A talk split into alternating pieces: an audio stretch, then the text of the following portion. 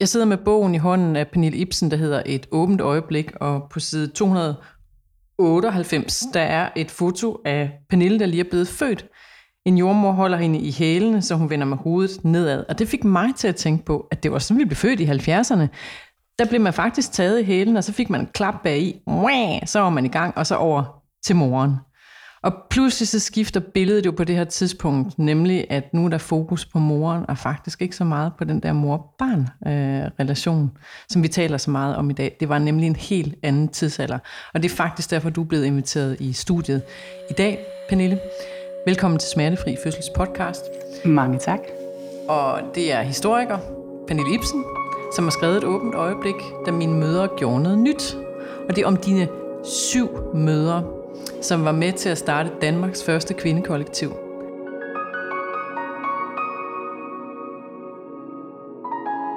Hvordan har man syv mødre?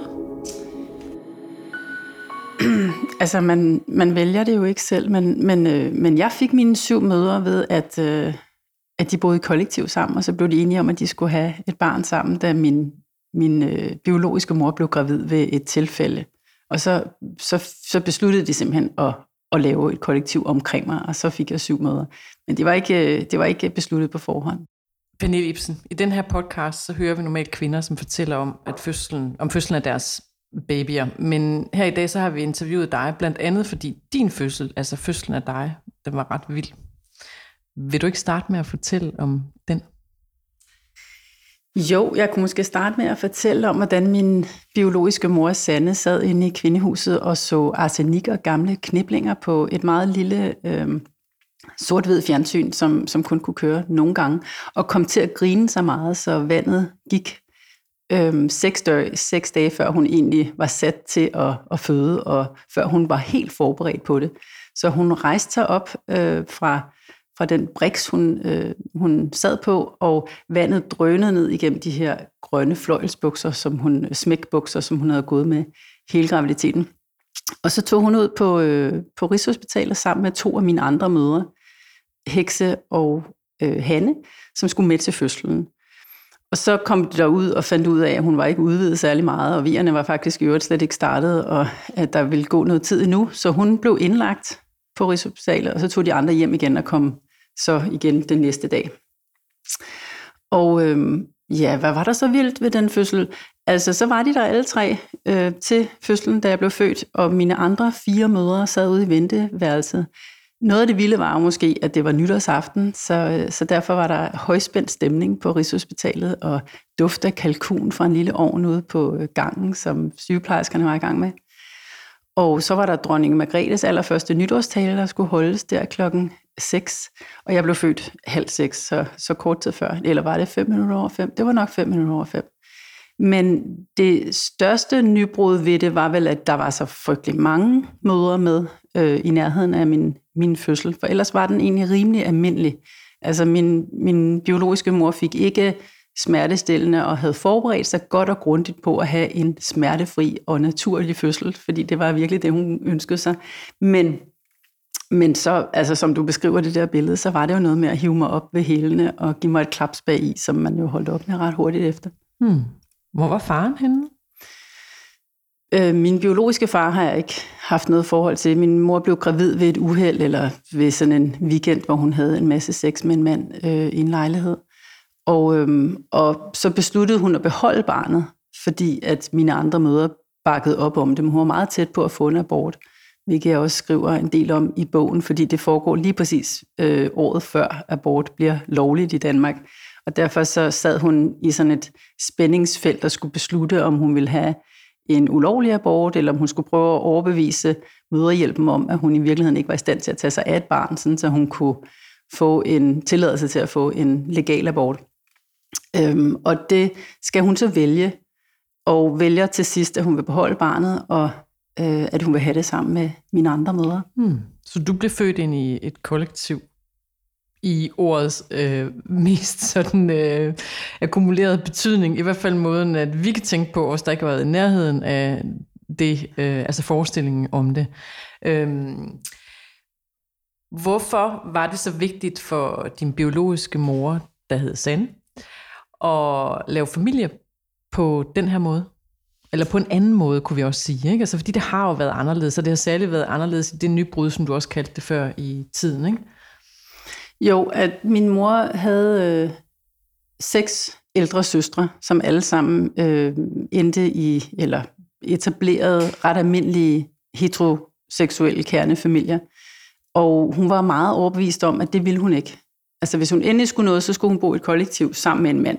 Men hun skulle helt sikkert ikke bo i en, øh, en almindelig, eller hvad man skal kalde det, kernefamilie. Og for hende var det et meget politisk projekt, ligesom det var for mine andre mødre, at lave en alternativ familie for at bryde op i alle de strukturer, som strukturerede, hvad hun ellers kunne gøre på den mest radikale og hverdagsagtige måde. Altså de var jo ved at lave alt om, og lave et helt nyt liv på alle planer, men familien var så også en del af det. Hvad synes du, der var galt med kernefamilien? De synes, at øh, de normer, som, som, øh, som dominerer i kernefamilien, og de kønsroller især, som, øh, som spiller sig ud i langt de fleste kernefamilier, mm, sikkert, eller tit også i dag, men i hvert fald i begyndelsen af 70'erne, var utrolig undertrykkende for kvinder og begrænsede kvinders muligheder for at leve de liv, som de kunne have lyst til. Øh, både arbejdsmæssigt og privat og følelsesmæssigt og på alle planer mente de, at kvinder var underlagt mænd, og at, det, og at kernefamilien var en grundsten i den undertrykkelse. Så derfor var de meget imod kernefamilien. Hmm. En af de ting, som jeg hæfter mig ved, når jeg læser et åbent øjeblik, er ikke kun de her nye tanker, der er, og hvordan at øh, man pludselig også får netop en mulighed, eller som du kalder det så fint og mere poetisk, et åbent øjeblik for at tænke anderledes. Altså der kommer nogle muligheder, men det øh, afspejler sig også i øh, fødslerne, og fødsel, måden man begynder at se fødslen på. Øh, og det er jo det, jeg altid har haft en påstand om, at øh, fødslen er politisk. Øh, det er ikke noget, jeg sådan går rundt og skilter med som budskab, men det ved jeg. Og jeg kan simpelthen se måden, hvorpå kvinder bliver behandlet under fødslen, afspejler den sådan generelle tilstand og blikket på kvinden i samfundet. Og der er jo aldrig sket så meget øh, inden for fødsler, som der gør nu i pressen og måden, vi taler om det på. Der er simpelthen en helt ny øh, bevidsthed. Og der genkender jeg jo nogle af de ting, som øh, du skriver i bogen her, og jeg vil gerne lige læse kort op fra Øhm, det er faktisk bare lige på sider længere henne fra, hvor du blev født på det her omtalte foto fra før. Øhm, og der citerer du en, der hedder Lise Loft, som jo faktisk har haft en øh, ret stor betydning i fødselsforberedelse, og det må du også gerne sige lidt om, øh, om lidt. Men jeg vil bare lige citere, hvad øh, hun siger på en film tilbage fra øh, 73. Øh, man ligger ikke passivt, man arbejder aktivt med og får den fantastiske oplevelse, det er selv at føde sit barn. Men det kræver en masse viden og forberedelse. Hvorfor kræver det viden og forberedelse at lave noget så naturlig en handling som at føde et barn, kunne man spørge. Jeg synes, du formulerer det utrolig flot, at øh, fødsler er en politisk handling, eller fødsler sidder midt inde, inde i noget politisk, fordi det er jeg helt enig i, og det ville mine mødre og andre rødstrømper i begyndelsen af 70'erne i den grad også have været enige i. Og på det tidspunkt, i slutningen af 60'erne, begyndelsen af 70'erne, der havde almindelige kvinder meget, meget lidt viden om fødsler. Øhm, så når de fødte, så var de helt i hænderne på, øh, på andre, som kunne rådgive dem. Og det kunne så være jordmøder, men det var jo tit også læger, og de var i det hele taget utrolig fremmedgjorte over for det, som de oplevede. Og det blev et politisk projekt for rødstrømper, øh, i en, i en større, hvad man skal sige, feministisk sammenhæng, fordi at det handlede om at tage kontrol over alt, hvad der havde med hverdagsliv, men også med kroppe og, og sundhed og sygdom at gøre for kvinder. Der var utrolig dårlige ressourcer øhm, at gå til. Der altså var meget få bøger og skrifter om kvinders kroppe og om kvinders øh, sunde kroppe, men også syge kroppe og om fødsler. Så der manglede simpelthen viden. Der var ikke, der var ikke viden at gå til. Og Lise Loft, som du nævner der, hun var øh, simpelthen en af de allervigtigste, i, i hvert fald i København, men også i Danmark, øh, lige i starten. Hun var uddannet, øh, hvad hedder det, fysioterapeut, eller, eller, og, og også, øh, hvad hedder sådan noget? Afspændingspædagog. Afspændingspædagog. Ja, som hedder psykomotorisk mm, noget i det. Terapeut, tror jeg. Ja, det, man må ikke sige afspændingspædagog længere, har jeg okay. er blevet blært her for nylig. Ja. Det har jeg garanteret skrevet i bogen, af, afspændingspædagog. i hvert fald så var hun uddannet øh, øh, på et større felt, men blev så utrolig interesseret i fødsler, og begyndte at holde fødselsforberedelse øh, ude i forstadskommunerne, skriver hun om i sine utrygte rendringer, som hun gav mig lov til at, at læse noget i. Hun er desværre død nu, så man kan ikke spørge hende mere. Øh, men hun undervist ude i forstadskommunerne sådan, på mindre hold øh, for, for kvinder i afspænding i forbindelse med fødsler. Så ikke nødvendigvis i hele biologien omkring fødsler, men hvordan skulle man ligesom læne sig ind i fødslen, og hvordan skulle man forsøge at, at, at spænde sig af eller slappe af i, i øjeblikket. Ikke? Så Eller egen adfærd, i stedet for det der med at se fødslen udefra, så begynder at se den indenfra, har jo været nyt på det her tidspunkt. Hvad kvinder kunne gøre for ligesom at tage fødslen til sig og gøre det til deres egen, ligesom hun siger det der citat i, den, i, i filmen der, vi føder vores børn, eller føder vort barn. Øhm, og hun blev så radikaliseret af Rødstrømbevægelsen. Hun var med i noget, der hed Individ og Samfund, som var en udbrydergruppe fra Dansk Kvindesamfund af unge aktivister, som ikke mente, at Dansk Kvindesamfund var radikal nok. Og de dannede så individer Samfund, og i individer Samfund, der begyndte hun så langsomt at arbejde med fødsler i forbindelse med feministisk politik, eller med rødstrømpolitik, og blev så i 71 engageret i Kvindehuset, som blev etableret inde i Områ fra september og der begyndte hun at lave fødselsforberedelse oppe under taget på sådan nogle halm, tykke halmmadrasser, hvor hun, hun købte en, øh, en lille varmeovn, som hun kunne putte op og startede i januar 1972 med sit første hold derop. Og der beskriver hun, det tror jeg også, jeg nævner i bogen, hvordan øh, det var helt, helt anderledes at undervise rødstrømper, end det var at undervise derude i forstadskommunerne, fordi at rødstrømperne spurgte om alle mulige ting, som hun aldrig var blevet spurgt om før, og krævede virkelig detaljerede svar om alting. Så ikke bare om, hvordan de skulle, hvordan de skulle læne sig ind i fødslen, men også om selve biologien i fødslen. Altså, hvad sker der i fødslen, og hvad, hvad, hvad er det for en proces, og ville vide øh, alle detaljer simpelthen om, øhm, hvad fødslen var og kunne og skulle, og hvilken rolle de skulle spille i det. Og de var enormt kritiske over for, for sådan almindelige måder at se fødsler på, og for, over for hele, hvad skal man sige, medicinal komplekset og den måde, man havde forestillet sig fødsler på. Så hun siger, jeg tjente godt nok ikke øh, noget som helst på at undervise i fødselsforberedelse de første par år inde i kvindehuset, men jeg gjorde det, fordi jeg lærte så meget af det. Altså hun, øh, hun samlede også beskrivelser, fødselsbeskrivelser en masse fra øh, dem, der gik på, øh, på holdene. Når de så fødte, så skulle de skrive beskrivelser bagefter, og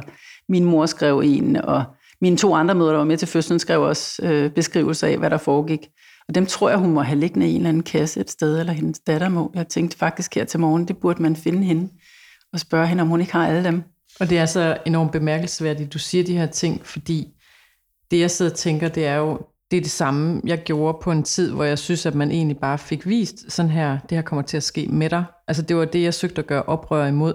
Øhm, fordi jeg synes, det var en lang biologitime, hvor jeg tænkte, hvorfor er der ikke nogen, der fortæller om egen adfærd? Hvorfor er der ikke nogen, der siger, altså helt grundlæggende, hvad kan jeg selv gøre? Hvor er hele den øh, mere sådan grundlæggende viden omkring, hvad der sker i kroppen, sammensat med det, altså egen adfærd? Hvordan er det, jeg kan påvirke? Og så hele det der politiske projekt, der hedder at tage fødslen hjem, ikke? Øhm, men det var jo bare ud fra sådan en selvoplevelse, og så begyndte jeg at samle de der kvinders øh, fortællinger, men det er jo fuldstændig samme den forskel, det har, øh, Lise, men det er som om, at det stopper ved epiduralen. Altså, der, der, kom, der, er sådan nogle, der er sådan nogle medicinske øhm, spor, der begynder at, at tage over. Øhm, hvad sagde, ved du hvad, at fagvidenskaben dengang, eller lægerne sagde til øh, den fødselsforberedelse, der begynder at spire her, eller øh, er det ikke en indsigt, øh, du har? Altså, jeg ved ikke meget om det, men det første, jeg tænker, når du siger, at så gik det ligesom i stå, det, som du så skulle fange igen, ikke? eller som det, det, du skulle starte igen, det tror jeg, øh, altså det første, det får mig til at tænke, er, at det eksisterer jo ved siden af hinanden, og det har det gjort hele vejen igennem. Ikke? Så når man taler om Lise, Lise Lofts øh, fødselsforberedelse, som min mor var heldig at, at gå til, så var det jo et, altså et minimum af en lille bitte, bitte gruppe af kvinder øh, i Københavnsområdet og inde midt i byen, som, som tog det til sig. Og samtidig har der jo været den gamle, øh, den gamle attitude øh, og den gamle indstilling til fødsler lige ved siden af. Ikke? Så det, jeg tror mere, det er noget med, at det udvider sig. Altså det bliver, der bliver mere eller mindre interesse for den ene måde eller den anden måde at gøre det på i nogle forskellige øjeblikke. Ikke? Mm. sam, på samme måde, så i begyndelsen af 70'erne var der både nogen, der var super kritiske over for den nye kvindebevægelses måde at håndtere fødsler på, og så var der nogen, der synes det var rigtig godt. Og det var ikke altid sådan, at man kunne regne ud, hvem det var, der synes hvad. Altså for eksempel så er jeg stødt på øh, flere beskrivelser af, af læger, som, hvor man tænker, de burde egentlig være kritiske over for det, og så var de ikke nær så kritiske over for det, som man skulle tro, eller faktisk nærmest øh, virkelig engageret i det og interesseret i det. Blandt andet Mogens Onsler, som var, øh, som var overlæge på Rigshospitalet, da jeg blev født, som øh, nok er død nu, men jeg ved det faktisk ikke. Jeg prøvede at ringe til ham, men jeg skrev på, på et af mine mange, øh, mine mange sidespor øh, på et tidspunkt. Der var han i begyndelsen af 90'erne, men han var virkelig stor på det her tidspunkt, og var simpelthen den store fødselslæge derude. Og han, han øh, var sådan set ret åben over for fødselsforberedelse, og for at kvinder aktivt skulle deltage i deres egen fødsler, og at og åben over for at, at eller og, og udtale også, at kvinder blev bedre til at føde, når de havde den her viden, ikke? Altså at de, øh, at de, de var en hjælp, altså det kunne være en hjælp for, for, for de, der skulle hjælpe kvinder med at føde, ikke? Mm. Men så har der jo samtidig været nogen, der var enormt kritiske over for det, og synes, det var det vildeste hippie hokus pokus, ikke? Ja, selvfølgelig. Der vil altid være øh, begge lejre. Øhm, og jeg kan se, at det er fuldstændig samme udvikling, det har taget her. De første, jeg startede med at undervise, det var akademikerne. Altså det vil sige, det var de veluddannede, det var storby-segmentet. Øh, og så bevægede det sig ud på landområderne. Og det er jo også det, hun siger her. Du sagde det sådan kort før. Jamen, det var dem, hun havde fat i. Og der var bare forskelligt, hvordan de reagerede, fordi den ene gruppe var ekstremt vidensbegærlig og nørdet, kunne man sige. Altså ville rigtig gerne øh, have så meget som muligt, både i forhold til egen adfærd, hvordan gør jeg, altså handlingsanvisende, men også hele den der videnspool, der er adgang til. Ikke? Men hun bruger sådan en sætning, eller der bliver refereret sådan en sætning fra hende, at dem i landområderne, de æder ordene ud af munden på hende. Altså man, man tager ligesom det, der kommer. Og der kan jeg jo se en kæmpe forskel på, hvad siger Københavner-segmentet kontra Aarhus kontra Stavanger, hvor vi også er. Og Stavanger er jo vidderligt et landområde, og det er ingen udskamning af de kvinder, der sidder i Stavanger, men det er simpelthen anden, øh, når vi kommer med vores, øh, de opfatter meget af det, som jeg opfatter, opfatter som almenheder, som aktivistisk. Øh, og det synes jeg er jo enormt bemærkelsesværdigt, netop hvordan man øh, reagerer, og hvordan at de her bevægelser også, eller ringe i vandet, de spreder sig. Øh, og det er jo meget belysende for hele kvindebevægelsen i virkeligheden, som det er interessant, hvis vi bare lige skal lande den der pointe, der hedder, det vi ser igennem fødslerne, det er også det, vi ser i det omkringliggende samfund. Det afspejler sig simpelthen direkte, øh, de strømninger, der er. Øh, det, som øh, jeg godt kunne tænke mig lige at få en lille mere sådan indblik i, fordi du siger, jamen det var øh, afspænding, der blev undervist i, øh, men det har vel også været værtrækning, de her ting. Har du sådan en dybere indblik i, hvad det var? Øh, var der noget teori? Øh, Øh, hvad foregik der på de der kurser, udover det var små kurser, det var op under et luft, og der var noget varme apparat på, ikke? Men, men indholdet af det, har du indsigt i det? Ja, altså vejrtrækning var virkelig vigtig. Det var det, var, det, det, de snakker mest om faktisk, som de lærte. En af mine mødre er fysioterapeut, og var allerede uddannet fysioterapeut, da hun hjalp min, min biologiske mor med at føde. Altså, så hun var, gik meget ind i, i processen og var med til fødselsforberedelserne og sådan noget. Og hun husker det med vejrtrækningerne som det rigtig revolutionære. Altså, at øh, de forskellige typer vejrtrækninger, og de øvede og øvede og øvede, og det var nyt. Altså, det var ikke noget, det ved jeg ikke, eller måske ved du, om hvor nyt det var. De beskriver det som om, at det var, det var simpelthen lige der, i begyndelsen af 70'erne, man begyndte at tale om det. Mm. Altså jeg, jeg ved, hvor det kommer fra, fordi det var jo øh, den franske fødselslæge Ferdinand Lamar's. Præcis, og det var ham, de læste. Ja. ja, det var ham, de læste, og ham, som egentlig har formidlet ham bedst, det er en, der hedder Pierre Velaye, som har skrevet en bog, der hedder Fødsel uden smerte. Du kan faktisk se den, den står lige bag ved mig. Og det er det, som alt mit det bygger på. Altså da jeg læste en bog, så faldt der som en 10 øre for mig. Gud, tænkte jeg, jeg har jo selv aktiv i fødslen, aktiv i fødslen.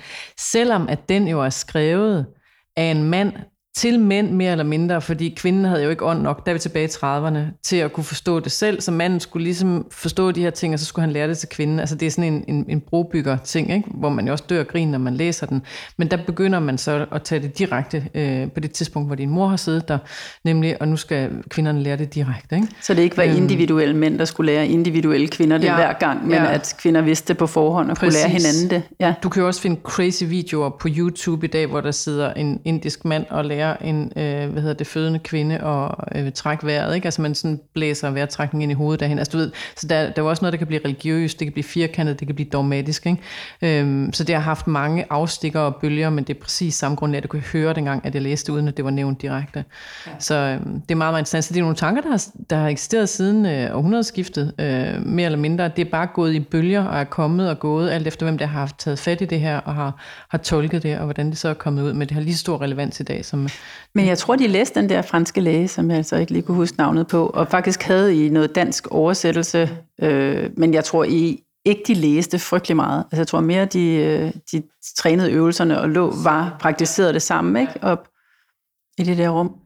Og det var netop hele ideen om den betingede refleks, ikke? Altså, at man, øh, man gik ind og, og også begyndte at tale om, at kroppen havde en hukommelse, at det ikke kun var øverste etage, ikke? så man fik krop og sind og psyke til at arbejde sammen. Og det var jo ikke nyt, men det var nogle tanker, som man øh, pussede af og kom igen med, som har passet rigtig godt i tidsånden på mange måder. Hvad med mændene? de kommer med til fødslerne på det her tidspunkt. Øhm, hvad sker der øh, i det der? Hvorfor, øh, hvorfor bliver de nødvendige pludselig at have dem med ind på fødestuen? Altså jeg ved ikke frygtelig meget om mænd jo øhm, på det her tidspunkt, fordi at mine mødre ikke havde øh, særlig mange mænd omkring sig. Øhm, men for eksempel i den der Susie Haxhauser film, som, som du citerede lidt fra før, som Lise Loft var med til at lave, der, øh, der ser man en, en scene, eller der følger man simpelthen et par, et heteroseksuelt par, hvor der er en kvinde og en mand, der føder sammen. Øh, meget, altså øh, meget fysisk, sådan ved, at han sidder bag ved hende og lever sig fuldstændig ind i fødselsprocessen og, og trækker vejret med hende, og, og altså virkelig omklamrende. jeg, kunne, jeg kunne virkelig mærke, øh, da jeg så den film, selv det ville jeg ikke have foretrækket, men øh, foretrukket. Men, men, men der, der, var, der er det helt klart idealet, at, at fædre og mødre skal føde sammen øhm, og også forberede sig på fødslen sammen, og være der til at modtage barnet sammen. Og det tror jeg handler om, at fædre skal længere ind i det der med at have børn, ikke? Øhm, på alle mulige planer, som, som rødstrømperne jo arbejdede gevaldigt på at få sat i stand. Og så skulle de jo være med fra starten, så de simpelthen kunne identificere sig med barnet lige fra begyndelsen. Øhm, tror jeg. Men det er altså som sagt ikke noget, jeg ved meget om, fordi at, at der var ikke rigtig nogen mænd i mine, i mine møders liv. Nej, det interessante er jo også, at det igen bliver sådan en samfundsspejling, fordi at kvinderne kommer ud på arbejdsmarkedet, og så skal man have manden mere på hjemmebanen, for det overhovedet kan realiseres, så de ikke bare får dobbelt dobbelt arbejde, ikke? Mm. som er samme hvad skal jeg sige, øh, konflikt, vi står i i dag. Altså, det er jo ikke forandret så stort i forhold til, hvad jeg kan høre, folk fortæller mig, eller hvad de oplever. Men det, der er interessant for mig at se den der udvikling, for det skete inden for de seneste to år. Manden er for alvor kommet på banen igen. Det var han ikke, dengang jeg begyndte at undervise. Det er dem, der ringer og bestiller kurserne. Det er dem, der vil på, jeg har sådan noget, der hedder bootcamp for par, ikke? Øhm, men, men det er i stigende grad blevet øh, populært. Det var det altså ikke dengang, at øh, jeg startede.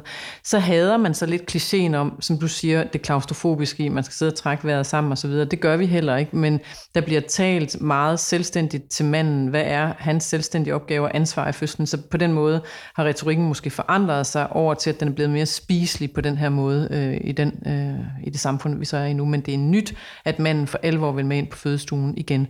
Så det er som om, han er blevet trukket ind, men han har ikke fået at vide, hvad han skal gøre. Altså, øhm, som jeg havde en jordmor, der sagde på et tidspunkt, det er sådan manden og stolen, det har hun set på i rigtig lang tid. Altså, der var sådan en stol derhen, så kunne han sætte sig der. Ikke? Øh, og så var det egentlig stadigvæk noget, der foregik mellem kvinder. Men nu er der kommet en stigende efterspørgsel efter at rigtig gerne vil involveres. De vil bare gerne have en konkret opgave. Så bare lige for at understrege det der øh, brud. Øh, det kunne være super kommet, spændende at tale med nogle af de der mænd. Altså både nogle af dem, som var med til de allerførste fødsler, som jo stadigvæk er i live nu, ikke? Øh, i hvert fald de næste 10-15 år er der en del, man kunne finde. Ikke? Men man, at man så kunne sammenligne dem med, med de unge mænd og finde ud af noget om maskulinitetsrollerne, øh, eller sådan, altså hvordan, hvordan er de mænd på, på fødestuerne, og hvordan er de mænd sammen med deres kvinder, der føder og sådan. Ja. Det er da et fedt projekt. Ja, altså der er i hvert fald nogle fælles træk, man vil kunne undersøge. Der er garanteret også noget, der er forskelligt. Ja, der altså, er tænker, forskelligt, ja, ja men, men også noget sammenfald i det. Ikke? Mm. Øhm, hvis vi går tilbage til din egen historie, øh, Pernille, øh, jeg kunne godt tænke mig at simpelthen forstå mere, fordi det er jo sådan, det er jo dybt eksotisk for mig, som kommer øh, jo i samme generation som dig. Jeg er kun født øh, to år senere. Men det med, at i kollektivet, så kalder du alle kvinderne for mor. Hvorfor det? Hvorfor? Jamen, det var fordi, de var mine mødre jo. Altså, øh, jeg kaldte dem mor Sanne, mor Vibeke, mor Hanne, mor Susanne. Altså, jeg kaldte, eller også så kaldte jeg dem bare mor. De siger også, at mor sådan blev et, et, en fælles betegnelse for voksne, der skulle hjælpe mig. Altså, så hvis jeg havde brug for noget, så kunne jeg bare råbe mor, og så kom der altid nogen og hjalp mig. Øhm, og det tror jeg nu ikke, jeg var helt alene om i 70'erne. Altså, man kunne godt øh, man kunne godt bruge andre voksne mere aktivt, i, altså i hvert fald i nogle sammenhæng, end, end jeg tror, at mange børn gør i dag, hvor de sådan meget føler, at de kan kun henvende sig til enkelte voksne omkring dem. Ikke? Øhm, jeg ved ikke, hvordan jeg selv valgte, altså hvordan jeg valgte, at jeg skulle kalde dem mor. Det, det var, jeg ved ikke, om det var noget, de sagde, jeg skulle gøre, faktisk. Det har jeg egentlig aldrig spurgt dem om. Mystisk nok, for jeg har også spurgt dem om stort set hvad som helst andet. Men, men jeg kunne forestille mig, at jeg bare begyndte at kalde dem mor. Altså, og så har jeg måske kaldt en af dem mor en anden mor, så har den tredje også sagt, jeg vil også hedde mor, eller også så blev det bare til, at nu er vi alle sammen mor, ikke? Ja. Følte du dig mest tilknyttet til Sanne, som var din biologiske mor, eller var det hele retiraden rundt, at du rent faktisk også havde en tæt tilknytning til de andre, eller hvordan tænker du på det i dag? Jeg følte mig helt klart tættest tilknyttet øh, min, min biologiske mor Sanne. Og det gjorde jeg nok altså, i tilbageblik af forskellige grunde, men primært fordi hun også følte sig mere tilknyttet til mig, end de andre gjorde. Og så kan man så diskutere, og det har de også gjort, hvorfor det endte sådan, at min, øh, at min biologiske mor blev min tætteste mor. Øh, og det er primært, vil de nok være enige om i dag, fordi at, ja, det ved jeg ikke, der er sikkert noget biologi i det, men der er i hvert fald også noget socialt i det, som bare, at min mor havde utrolig svært ved at, øhm, at, at give slip på mig. Altså havde utrolig behov for at være sammen med mig hele tiden og have mig tæt på sig. Så det der, de havde jo sådan en, en, øh, en meget, øh, meget bevidst holdning om, at alle skulle være tæt på mig, ikke? at de alle syv skulle have et forhold til mig, men de blev også enige om, før jeg blev født, at der var to, der skulle være vigtige, tre, der skulle være vigtigere end andre. Fordi der var nogen, der havde mere i gang ude i verden og havde mindre behov for at have et spædbarn og have ansvar for et spædbarn end, end andre. Og så blev de også ligesom enige om, at det var bedre at have tre, som var grundlæggende, eller som var, var der mere fast, sådan så at det ikke blev for flagrende, ikke? fordi de dog, trods alt godt kunne se, at det var lidt af en udfordring at have syv møder, øhm, trods alt. Så de, så de besluttede ligesom, at, øh, at Vibeke og, og Hekse, som hedder Else Marie i bogen, skulle være min primære, ud over min biologiske mor. Og, og Vibeke og Else Marie gik ind i det med en forventning om, at de skulle være mødre på lige fod med min biologiske mor Sanne. Og det gjorde hun sådan set også, Sanne, tror jeg, men de havde slet ikke, altså, de havde slet ikke regnet med, hvor svært det var, og hvor, hvor, øh, hvor fysisk tilknyttet man bliver et barn, man føder, tror jeg. Men også forventer, at, at altså, Sanne blev virkelig meget knyttet til mig meget tidligt, og havde meget svært ved de der regler, de så satte op med, at man skulle skiftes til at sove inde ved min seng. Og ja, for det var det, jeg skulle at spørge dig om, fordi ja. hvordan foregik det helt lavpraktisk? For det ene ting er, at man ligesom siger, at der var de her syv møder, men, men hvordan, hvordan foregik hverdagen? Altså den fordeling mellem de tre primære personer, som du fremhæver? Altså de, de var sådan set alle syv med i, i hverdagen, men, men og i praksis blev, var det faktisk nogle af de andre, der kom til at betyde mere, end Vibeke gjorde, fordi hun, hun, hun hurtigt havde mange andre ting, hun skulle ud i byen. Ikke? Men hvis der er et billede i bogen af den, øh, den trammeseng, jeg sov i, som de stillede op ind i et rum, og ved siden af den var der så to madrasser. Og når man så havde vagten og skulle passe mig, så sov man ved siden af trammesengen. Og, øh, og det skiftedes man til så var det ikke et særligt stort, øh, nogle særligt store lejligheder, de boede i, og min mor Sanne, hun lå tit i et rum lige ved siden af, og så lå hun stiv på madrassen og kunne høre mig græde derinde og spekulere på, om de nu vågnede, og vågnede de nu ikke, og hvordan skulle de nu, og sådan noget. Totalt ligesom i, i mange parforhold, man kender, ikke? At, mm. at der er hele den her forhandling om, hvem der har adgang til barnet og ikke har adgang til barnet, og hvordan kan man give slip, og kan man give slip, og så videre. Det var det, var det de oplevede øh, bare i en større gruppe. Ikke? Og så havde de meget mindre sprog for det, end vi har i dag, tror jeg. Ikke at det lykkes specielt godt i dag, i særlig mange tilfælde heller, men, men, men dog er der mange, som har en forventning om, at det vil blive svært at finde ud af, hvordan man skal forhandle om, om de her børn. Ikke? Mm. Øh, om, om spædbørnene, og hvad man gør, når nu moren ammer, og øh, det er hende, der skal være op hele natten, osv. I mit tilfælde, der brugte de flaske øhm, og bevidst, ikke? og ret tidligt. Jeg tror, min mor armede mig tre måneder men så blev det forbøvlet, fordi at, at det netop var så svært at dele. Ikke? Ja, for nogen så er det jo, kan jeg høre på snakken i dag, en ultimativ øh, ligestilling, at den anden hurtigst muligt får lært at bruge en flaske til babyen. Ikke? Øhm, men jeg tænker, at det der med at træde uden for rammen, er jo også det, som måske har givet sproget i dag. Altså, at der overhovedet er nogen, der har gjort sig øh, de overvejelser, gjort sig de eksperimenter, øh, gør jo, at vi overhovedet har et sprog i dag, også inde i parforholdet og i øh, den mere traditionelle kernefamilie, må have grundlagt noget. Ikke? Og hele den snak og dialog og debat opstår jo på baggrund af, at der faktisk er nogen, der gør noget. Ikke? Så det er interessant. Det går i opløsning, det her øh, kollektiv, efter nogle år.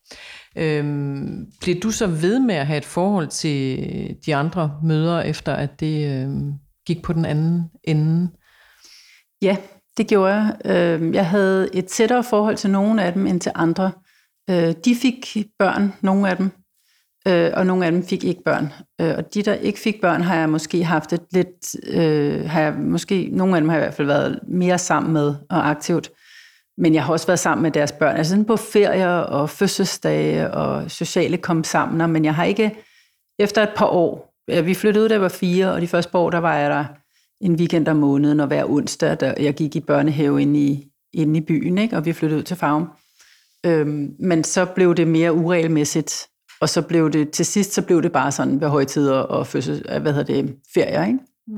Hvor jeg ligesom kunne, de flyttede også fra kollektivet efterhånden, så de flyttede længere væk, og nogle af dem flyttede ret langt væk, så man kunne ligesom ikke se dem så tit. Og jeg har været tættere på, på den nu, mens jeg har skrevet bogen, end jeg har været i mange år. Nu har jeg så også boet i USA i en del år, men det har virkelig været en måde at få dem hævet tættere på mig igen, at skrive den her bog. Altså også øh, som kollektiv, altså de er kommet tættere og tættere på hinanden også i den her proces, så det har været en meget spændende øh, proces at lave sådan en social, social historie ud af det. Ikke? Ja, for du har jo startet med at være en samlende faktor, fordi de fik dig sammen. Ja. Og så har du så også senere samlet dem ved rent faktisk at lave det her øh, ret utrolige øh, værk, eller øh, dokument over øh, den tid, de har levet. Ikke? Øhm, og også dig selv jo selvfølgelig. Men jeg tænker sådan, og det tror jeg der som også er mange af lytterne, der sidder og spekulerer med på, øhm, er det ikke snublende nærliggende at tænke, okay, se selv, man kan ikke lave en familie på en anden måde, når man hører din historie. Er du enig i det? Nej, det er jeg ikke enig i. Men det er klart, at hvis man gerne vil se det, øh, så kan man sagtens se det. Altså, så kan man sagtens se, at det var svært. Men hver gang man ser en heteroseksuel familie, som falder fra hinanden, så tænker man jo ikke med det samme, okay, så aflyser vi den model. Øh, den får jo lov at eksistere øh, i høj grad, på trods af, at den altså i 50 procent af tilfældene, eller hvordan det er nu, i Danmark heller ikke virker. Øh, men, men så snart man laver, eller når man laver noget radikalt nyt, så er det jo det første, man øh, møder i, i sine omgivelser. Det er forventningen om, at det ikke kan lade sig gøre, ikke? fordi det, det aldrig har lavet sig gøre før. Men, men det synes jeg overhovedet ikke. Jeg synes, de gjorde alle mulige ting, som, som faktisk lykkedes, og de eksperimenterede med det, som du sagde før, og opbyggede et sprog. Ikke? Og når man slet ikke har noget at læne sig op af eller spejle sig i, så skal man jo virkelig starte fra bunden. Og så er det klart, at det ikke bare bliver perfekt den første gang, man gør det. Men hvis ikke man gør det en gang, kan man i hvert fald heller ikke gøre det næste gang. Vel? Og øhm, det var jo præcis det svar, jeg sad og fiskede lidt efter, for jeg ville gerne lige skubbe lidt til dig. Øhm, jeg tænker jo, når jeg kigger over, ud over det her kernefamilielandskab, som de fleste af os jo råder os ud i og forlader igen, det er i hvert fald det, der sker nu for min generation, som er derfra begyndelsen af 70'erne. De bliver jo skilt i stride strømme nu. Det er mere end 50 procent i min øh, omgangskreds. Ja, det er det. Øh, det ved jeg godt statistisk, så er vi, jeg tror, vi rammer lige over øh, 50 procent, men det kan du kun måle på giftemål. Der er også mange, altså min omgangskreds, de gifter sig jo ikke, men de er i lange øh, serie monogame forhold. Øh, jeg tænker mere på i forhold til dig. Altså, du er jo selv mor til, til to. Hvad har din egen barndom betydet for din mor, og din måde at være mor på? Øh, har du gjort dig nogle tanker omkring det? Det blev også spurgt om et par gange i sommer, da bogen lige var udkommet. Det var noget, som, som man ligesom forventede, at jeg skulle have et øh, svar på.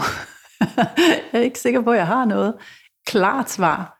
Altså det eneste, jeg kan sige, er, at jeg øh, med jævn mellemrum har været rigtig træt af mig selv, fordi jeg levede så utroligt konformt.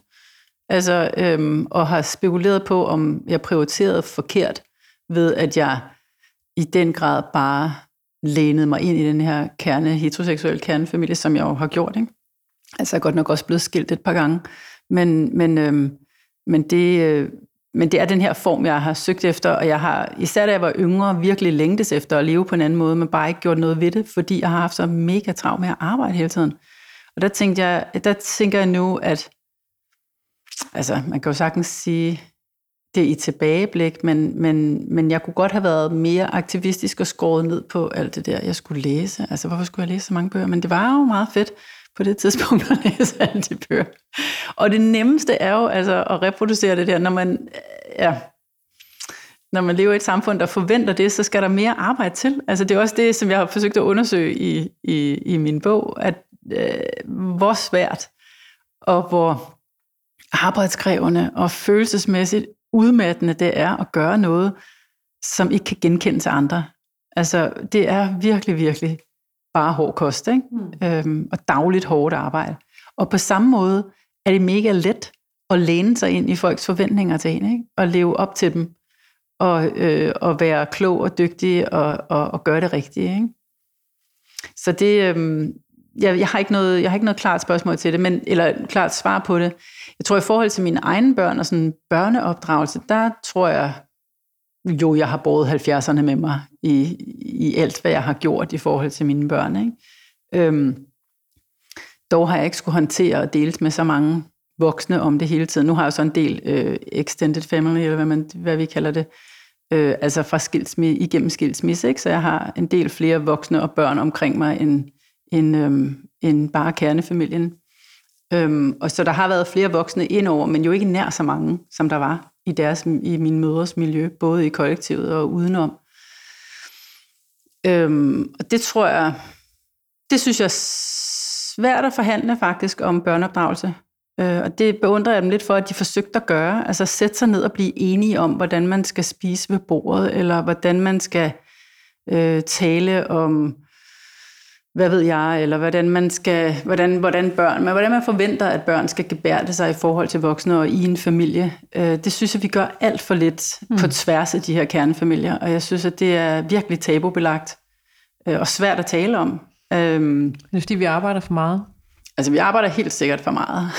men derudover, så synes jeg også bare, at det var overraskende svært at tale med mine veninder om sådan nogle små detaljer, øh, eller bare sådan, hvordan, hvordan, hvordan gør vi, og øhm, og hvorfor gør vi sådan, som vi gør, og, øh, og fordi det blev så personlige investeringer, ikke? Altså det blev sådan nogle personlige projekter for os, man også angriber hinanden, når man, hvis, hvis man ligesom antaster eller spørger til, hvordan folk gør noget. Og det tror jeg, det var, øh, det var meget mere åbent i, i starten af 70'erne, altså mm. at man mm. kunne tale om børneopdragelse som et nogle gange teoretisk, men også tit et praktisk projekt. Ikke? Det ved jeg, at mine mødre talte om i endeløse baner. Og også kønnet børneopdragelse. Ikke? Hvad, hvad lader man piger gøre, hvad lader man drenge gøre? Og de lavede sådan nogle eksperimenter med at se, om hvis de opfattede mig som en dreng hele weekenden, ville de så lade mig kravle højere op af bogregionen og sådan noget. Ikke? Øhm, så man, man, jeg ved ikke, om der er mange, der laver sådan nogle eksperimenter mere, men de tog det virkelig alvorligt, at man kunne